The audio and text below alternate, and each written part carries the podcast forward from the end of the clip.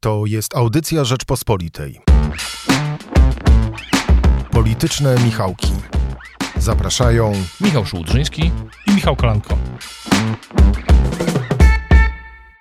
Piątek 10 lutego. Zapraszamy Państwa na polityczne Michałki, w których będziemy analizowali, jak wyglądały poszczególne głosowania w tym tygodniu, czemu Solidarna Polska głosowała raz z PiSem, raz przeciwko PiSowi, a i tak wychodziło na to, że stawało na tym, na czym PiSowi zależało. Jak wygląda sytuacja na opozycji po powstaniu wspólnej listy spraw do załatwienia przez Polskę 2050 i Szymona Hołowni i zastanowimy się również, jakie znaczenie dla polskiej polityki miało wystąpienie Janusza Kowalskiego, który kazał posłom PiS wstać i klaskać ministrowi Czarnkowi, autorowi słynnej listy Villa Plus, czyli nieruchomości dla organizacji kojarzonych z prawą stroną. Zapraszam na polityczne Michałki.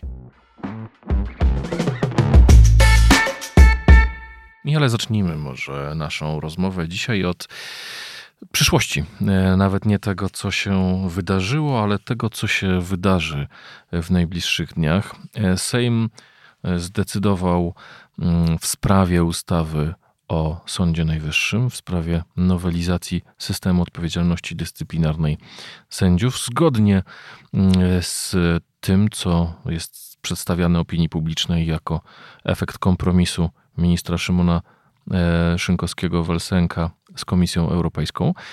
E, Senat dodał do tej ustawy kilkanaście poprawek. Wszystkie zostały jednak odrzucone przez Prawo i Sprawiedliwość razem z Solidarną Polską. Opozycja była przeciwko odrzuceniu tych poprawek. Teraz ustawa trafia do prezydenta. Jak myślisz, ile to potrwa i jaka będzie decyzja y, Andrzeja Dudy? Dzień dobry. No to są dwa wątki główne. Jeden to jest taki, że po pierwsze mam takie wrażenie, że ta sprawa jest w ogóle już trochę rozstrzygnięta przez prezydenta w głowie.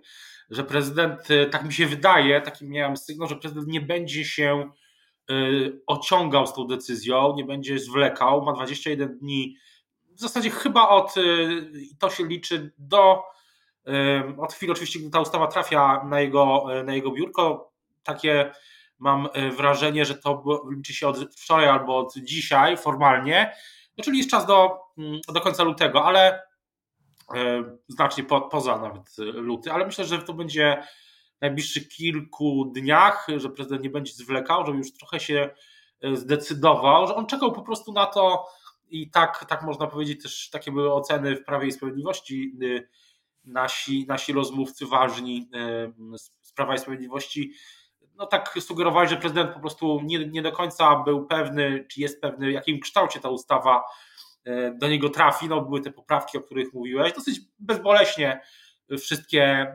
odrzucone.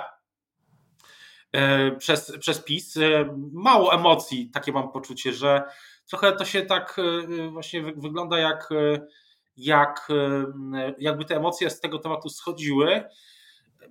Ja mam poczucie, że. No i też druga rzecz jest taka, że politycy Prawa i Sprawiedliwości no bardzo się pilnują, żeby nic, żeby prezydenta nie jakoś nie uszkodzić, mówiąc tak delikatnie.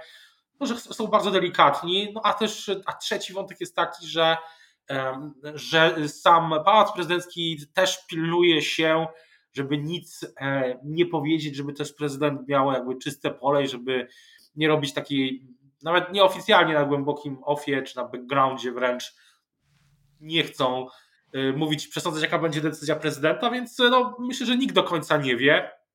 Ale ja obstawiam, że prezydent jednak nie zawetuje tej ustawy. Najprawdopodobniej ją podpisze i pewnie prostu wyślę do, do, do Trybunału niektóre przepisy, no ale oczywiście mogę się mylić, bo takie mam wrażenie, że y, to jest coś, co rozstrzyga, rozstrzygnął lub rozstrzyga prezydent tylko w swoim najbliższym otoczeniu i bardzo y, się pilnuje, żeby tego nie roznieść. Dalej, co nie znaczy, że nie będzie przecieków w tej sprawie, to jest nieuniknione, mniej lub bardziej wiarygodnych w najbliższych dniach. Miele, czy nie jest Twoim zdaniem tak, że PiS jednak w pewnym sensie rozegrał opozycję? Mm, to znaczy, jej głosami ustawa została przyjęta, mimo sprzeciwu Solidarnej Polski. A no właśnie, a potem Solidarna Polska pomogła PiSowi wyrzucić poprawki, mm, które opozycja przygotowała w Senacie. Czy podobnego scenariusza spodziewasz się w sprawie ustawy wiatrakowej, która przeszła przez ten pierwszy etap sejmowy e, w tym tygodniu, również przy sprzeciwie Solidarnej Polski? Tak, ja pamiętam, że w styczniu e, tego roku, czy jeszcze w grudniu pisaliśmy w Rzeczypospolitej, e, pisałem, pisaliśmy o tym, że, że Prawo i Sprawiedliwość się trochę już przestało mm, oglądać na Solidarną Polskę, że oczywiście Jarosław Kaczyński uznaje, że jedność obozu jest ważna i takie głosowania, których część tego obozu się e, sprzeciwia, nie są dla, ogólnie dla niego w całości dobre. No i ale, ale ta cierpliwość się skończyła i rzeczywiście i ustawa o Sądzie Najwyższym i drugi kamień milowy ważny, czyli wiatraki szły, idą no, w, przy sprzeciwie Solidarnej, Solidarnej Polski. E, no ale tak jak mówiłem, dosyć to wszystko idzie też Prawo i Sprawiedliwości, tak jak zwróciłeś uwagę, rękami opozycji, która, tak powiedzmy sobie szczerze, nic z tego wszystkiego nie ma, albo niewiele. Jedyny na razie efekt y, tego wszystkiego jest taki, że opozycja się, y, no, może nie cała, ale no, pojawiły się tam złe emocje po, po głosowaniu w sprawie ustawy o Sądzie y, Najwyższym w styczniu. Zresztą te, to wszystko ma dalej swoje konsekwencje, na przykład odejście z Polski 2050 posłanki Hanny Gil-Piątek, przewodniczącej koła Polski 2050 i też członkini do, do, przynajmniej do wczoraj, do przedwczoraj zarządu y, Polski 2050, to też jest konsekwencja tego głosowania, y, tak jak się słyszy w sejmowych kuluarach. Właśnie, a co dzieje się w opozycji? Dlatego, że mam wrażenie, że to tam było najwięcej y, emocji.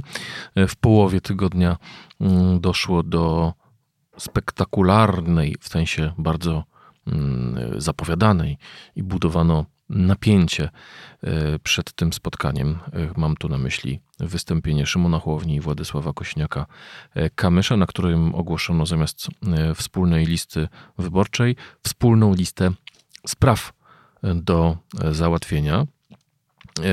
Trochę ironicznie, mam wrażenie, ta konferencja została potraktowana, co z kolei politycy y, Solidarnej Polski, y, Polski 2050, przepraszam, potraktowali niezwykle osobiście, bardzo się zrzymając, że nie są traktowani poważnie. Tak, y, jest taka sytuacja, że w polityce chyba no nie ma nic gorszego niż overhype czyli takie nadmierne oczekiwania za, zwykle zabijają, tak? Nie jest dobrze, jak się ma mm, interesujący, ale nie całkiem przełomowy e, produkt, nazwijmy go tak, i się go niesamowicie promuje, bo wtedy mm, zwykle to się po prostu kończy źle e, dla promujących i tak się też stało, bo ta sama konferencja ona jest ważna, bo ona e, zapowiada kolejne, zresztą tuż przed naszym nagraniem rozmawiamy w piątek rano Dzisiaj tak, nagrywamy naszą, naszą, naszą, naszą rozmowę w piątek rano i dzisiaj też Szymon Hołownia i Władysław Kośniak-Kamysz mają mówić co ciekawe w Olsztynie o wykluczeniu y, transportowym. To ciekawy, ciekawy aspekt y, na pierwszy, y, pierwszy ogień takiego programu. No ta konferencja była z, z, z wtorku, była ważna, no ale właśnie została trochę nadmiernie, oczekiwania wobec niej zostały nadmiernie rozkręcone, no i ta te oczekiwania były po prostu zbyt duże, no i to się nie mogło powieść, bo sami politycy, sami politycy Polski 2050 je częściowo podkręcali. W poniedziałek była taka, e, no właśnie poszła taka fama, jak to się mówi, że że Szymon ogłosi format startu, no ogłosił tą wspólną listę spraw, więc no, no, musiało być to pewne rozczarowanie, ale ten projekt chyba no, będzie, będzie szedł dalej. No, trudno, żeby po iluś tam wspólnych y, konferencjach, budowie tego programu i tak dalej, y, była po prostu y, później, no to zakończyło się niczym, chociaż oczywiście tego też nie da się wykluczyć. A dlaczego politycy Polski 2050 sobie to robią. E, zastanawiam się, bo pamiętasz, była taka konferencja, na której zapowiedziano specjalnego gościa. Wszyscy się zastanawiali, czy to Barack Obama przyjedzie, czy Emmanuel Macron, czy może jakaś wybitna e, postać e, ze świata intelektualnego typu Yuval Harari, a okazało się, że tym gościem specjalnym była Jasmina. No tak, to jest interesujące, że to przypomina. Rzeczywiście jest taki nurt tego overhyping w, z Polską 2050. To też chyba jest tak, że, że Polska 2050 być może tam jest takie poczucie, że trzeba wszystko zapowiadać, bo um, przyciągać uwagę do siebie, no bo jeśli, e, jeśli nie ma tego hype'u, no to wtedy media się nie interesują. Tak, tak spekuluję, albo to po prostu jest to był kolejny. Na pewnymi procesami też jest tak, że czasami już trudno, trudno zapanować tak, nad hypem. To się robi czasami samo, chociaż oczywiście Polska 2050 też przeżyła w tym tygodniu yy, no, bolesne wydarzenie, czyli właśnie odejście wspomnianej wcześniej Hanny Gil-Piątek. Czy twoim zdaniem inni szatani byli tam czynni? Myślę, że bezpośrednio pewnie nie, ale pośrednio na pewno tak i też e, w Sejmie, w kuluarach różne spekulacje co, co, co dalszych losów e, pani poseł. E, wydaje się, że na razie tak mi się, takie mam poczucie, że na razie żadnych newsów tutaj nie będzie przez kilka, kilka dni, a później im bliżej będzie tworzenia list, tym mogą się pojawić, bo w tym oświadczeniu, które pani poseł wydała, no było tam wyraźnie silny blok opozycji i to, ten język to jest język platformy, powiedzmy sobie szczerze. No więc właśnie, a co w Platformie Obywatelskiej? Mieliśmy w tym tygodniu e, informację o tym, że zdecydował Donald Tusk o tworzeniu samodzielnych e, list e, wyborczych. Jak wygląda to właśnie od strony tej największej partii mm, opozycyjnej, bo rzeczywiście ten jej język e, o tym, że potrzebna jest jedna lista, że trzeba jedną listę, mm, on w bardzo wielu wypowiedziach dominuje, co też mam wrażenie irytuje czy posłów Lewicy, czy Polski 2050, czy, czy, czy PSL-u, bo, no bo wiadomo, że to jest język, który właśnie Platformie jest najbardziej na rękę. Tak, to prawda. Jest e, to język e, na rękę platformie. Platforma moim zdaniem całkiem jeszcze wprost nie zrezygnowała z tego, żeby budować jedną listę, tylko no inna jest metoda. Najpierw będą, jest własna kampania, taki liczenie na tak zwany bandwagon efekt, że wyborcy w miarę tego rozkręcania się tej kampanii wyborczej będą no, spoglądać i głosować, wybierać najsilniejszą partię, czyli właśnie numerycznie przynajmniej e, platformę. No i wtedy łatwiej będzie o wspólną listę, kiedy E, Hołownia i Kosiniak-Kamysz i Lewica będą na kolanach. Tak się e, wydaje, że tak to może być, ale oczywiście te wstępne, wstępne listy, tak rzeczywiście Donald Tusk kazał, czy poprosił liderów, 16 liderów regionów w Platformie, bo jest 16 regionów głównych w Platformie, żeby te wstępne listy budować. A jak Platforma przygotowuje się technicznie do wyborów, czy, czy merytorycznie, y, bo sami o tym dyskutowaliśmy, pisałem o tym w jakimś komentarzu, że sam ty zresztą o tym mówiłeś, że, że Donald Tusk pytany o jakieś tam szczegóły programowe zawsze odsyła do tego, że później ten program zostanie opracowany na stronie e, internetowej. E, wiemy, że trwają przygotowania e, sztabu wyborczego. Wiemy, że mm, nawet Europejska Rodzina IPP tutaj chciałaby też jakoś wesprzeć pomysłami czy organizacyjnie Platformę Obywatelską w kampanii wyborczej. Czy to będzie kampania w postaci odbicia kampanii PiSu, czyli no, PiS z tego co wiemy chce przygotować antyplatformerskie i antytuskowe piekło mm, i Platforma odpłaci e, tym samym, czy spodziewasz się jakichś zaskoczeń w tej kampanii? Zaskoczenia, no jedno jest, jedna jest rzecz, którą, która cały czas jest tak, jakby to się, jak to się mówi, no, rozkminiana, to jest oczywiście to, czy Rafał Trzaskowski będzie miał znaczący udział w tej kampanii e, parlamentarnej Platformy jaki? No bo tutaj najprostszy scenariusz, ten omawiany od miesięcy jest taki, że Donald Tusk po prostu wskazałby go jako przyszłego e, premiera, trochę powtarzając manewr Jarosława Kaczyńskiego z 2015 e, roku, e, no w zasadzie 14 wręcz. Natomiast ja... Twoim zdaniem to jest możliwe? To jest możliwe, ale na dzisiaj chyba jednak mało prawdopodobne. Znając Donalda Tuska, to, to nie jest polityk, który tak po prostu różne rzeczy oddaje, tak? Mhm. On ma cały czas, rozmawialiśmy też o tym, ma tą tezę, że jak ktoś chce władzy, no to nie sobie ją bierze, próbuje. Przynajmniej tutaj charakterystyczny gest przewodniczącego Tuska, który pokazuje łokcie, czyli że trzeba łokciem, to widziałem właśnie w Siedlcach niedawno na tym spotkaniu, że łokciami trzeba sobie pewne rzeczy wyrąbać. Rafał Trzaskowski, no, musiałby, w praktyce dostałby tą władzę od niego, tak, premierowską. No jakoś nie wydaje mi się to bardzo prawdopodobne, chociaż oczywiście może się to zmienić w trakcie, w trakcie kampanii. Też wydaje się, że z drugiej strony Donald Tusk jest niesamowicie zdeterminowany i gotowy na bardzo wiele. No, skoro jest gotowy, żeby oddać część de facto partii, no bo jedynki na listach, no to to jest część partii, kosztem partii swojej, żeby stworzyć tą jedną listę, no to może i na premiera Trzaskowskiego jest, jest gotowy, ale oczywiście to jest coś zupełnie innego, innego kalibru. No, Platforma ma te wyjazdowe posiedzenia klubu, ma się zacząć od y, regionu łódzkiego, to, to ten cykl spotkań, no i każdym takim, przy każdym tym spotkaniu mają być te spotkania w terenie, rozmowy też merytoryczne, tematyczne. Ja myślę, że oczywiście Platforma program pokaże prędzej czy później, ale to nigdy nie będzie taki program w tym paradygmacie Prawa i Sprawiedliwości, czyli wielka oferta. No, to, to będą pewne pomysły, projekty, hasła, ale głównym hasłem jest to, że trzeba odsunąć PiS od władzy. I to chyba z tego Donald Tusk tak szybko, tak wprost nie, nie zdecyduje, żeby ten paradygmat, y, skuteczny lub nie potencjalnie, to się jeszcze okaże, żeby z tego paradygmatu y, zrezygnować, tak? Michale, powiedz mi, jeszcze chciałem Cię w naszej rozmowie o dwie rzeczy zapytać. Miało miejsce w tym tygodniu wystąpienie Janusza Kowalskiego, który w związku z aferą Villa Plus,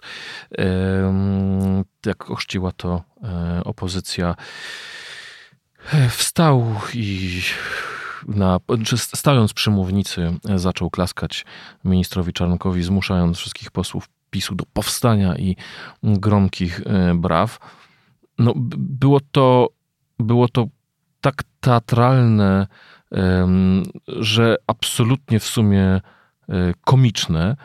E, jak to rozumiesz ten, te, to, to, zachowanie? Bo ono się tam bardzo mocno w, w mediach społecznościowych przebiło. Czy to znaczy, że PiS uznał, że sprawa dotacji z Ministerstwa Nauki na nieruchomości dla e, NGO-sów, które w mniejszym lub większym stopniu są powiązane z obozem e, władzy, im nie zaszkodzi?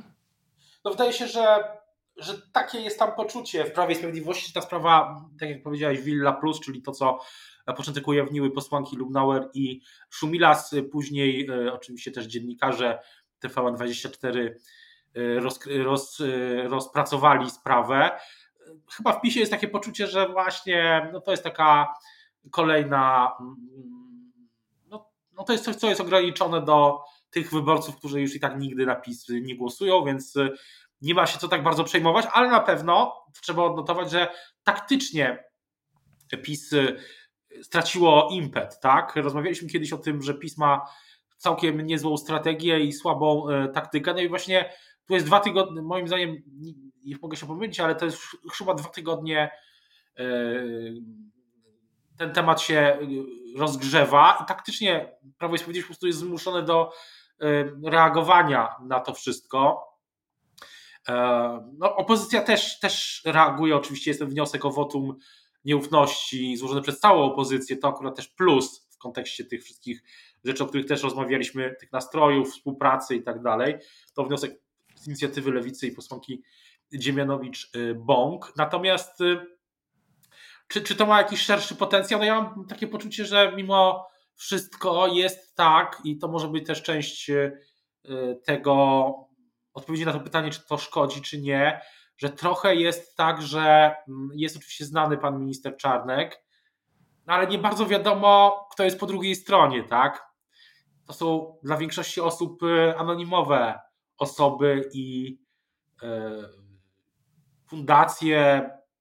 Tak jak mówiłem, wydaje się, że to po prostu nie ma takiej prostej e, wizualizacji tej afery mimo wszystko.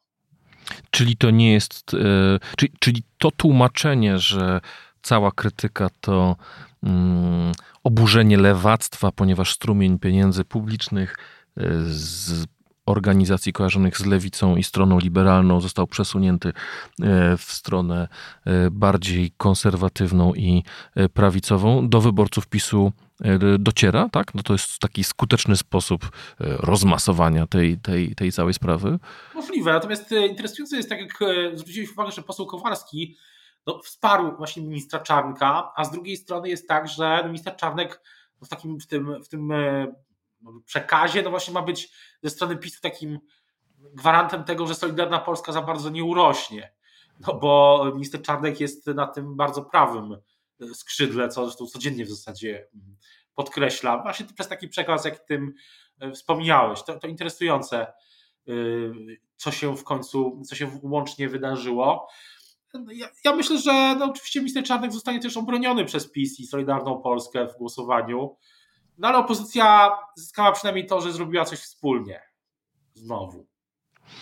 Mm, jak mowa o wspólnym głosowaniu, na koniec chciałem Cię o jedną rzecz zapytać. Jak to jest możliwe, że PiS wygrywa głosowania w sprawie, jak chce, e, na przykład poprawek e, do e, odrzucenia poprawek do ustawy o Sądzie Najwyższym, a jeśli chodzi już o sprawy takie jak mm, zabranie immunitetu posłom opozycji, tu okazuje się, że jest dyscyplina głosowania znacznie słabsza. Czy to jest e, powrót do tego, o czym kiedyś mówiliśmy, że PiS większość nie tyle ma, co miewa, czy też jest tutaj jakieś drugie dno? No trudno, trudno mi wprost odpowiedzieć na to pytanie. Mam poczucie, że te głosowania po prostu nie są traktowane priorytetowo, paradoksalnie przez władze klubu, a z drugiej strony jest też tak, że no właśnie w Sejmie no chyba nie było Sejmu ostatnio przez ostatnie miesiące, żeby PiS czegoś nie przegrał bardziej lub mniej spektakularnie, głównie w komisjach tak się dzieje, więc jest tak, że po prostu są kłopoty cały czas z, z dyscypliną w tych kluczowych głosowaniach może nie, ale w niektórych jest no właśnie tak. Dlatego też Sejm teraz przechodzi w tryb wyborczy i będzie co miesiąc, żeby za dużo takich tematów w mediach się nie pojawiało.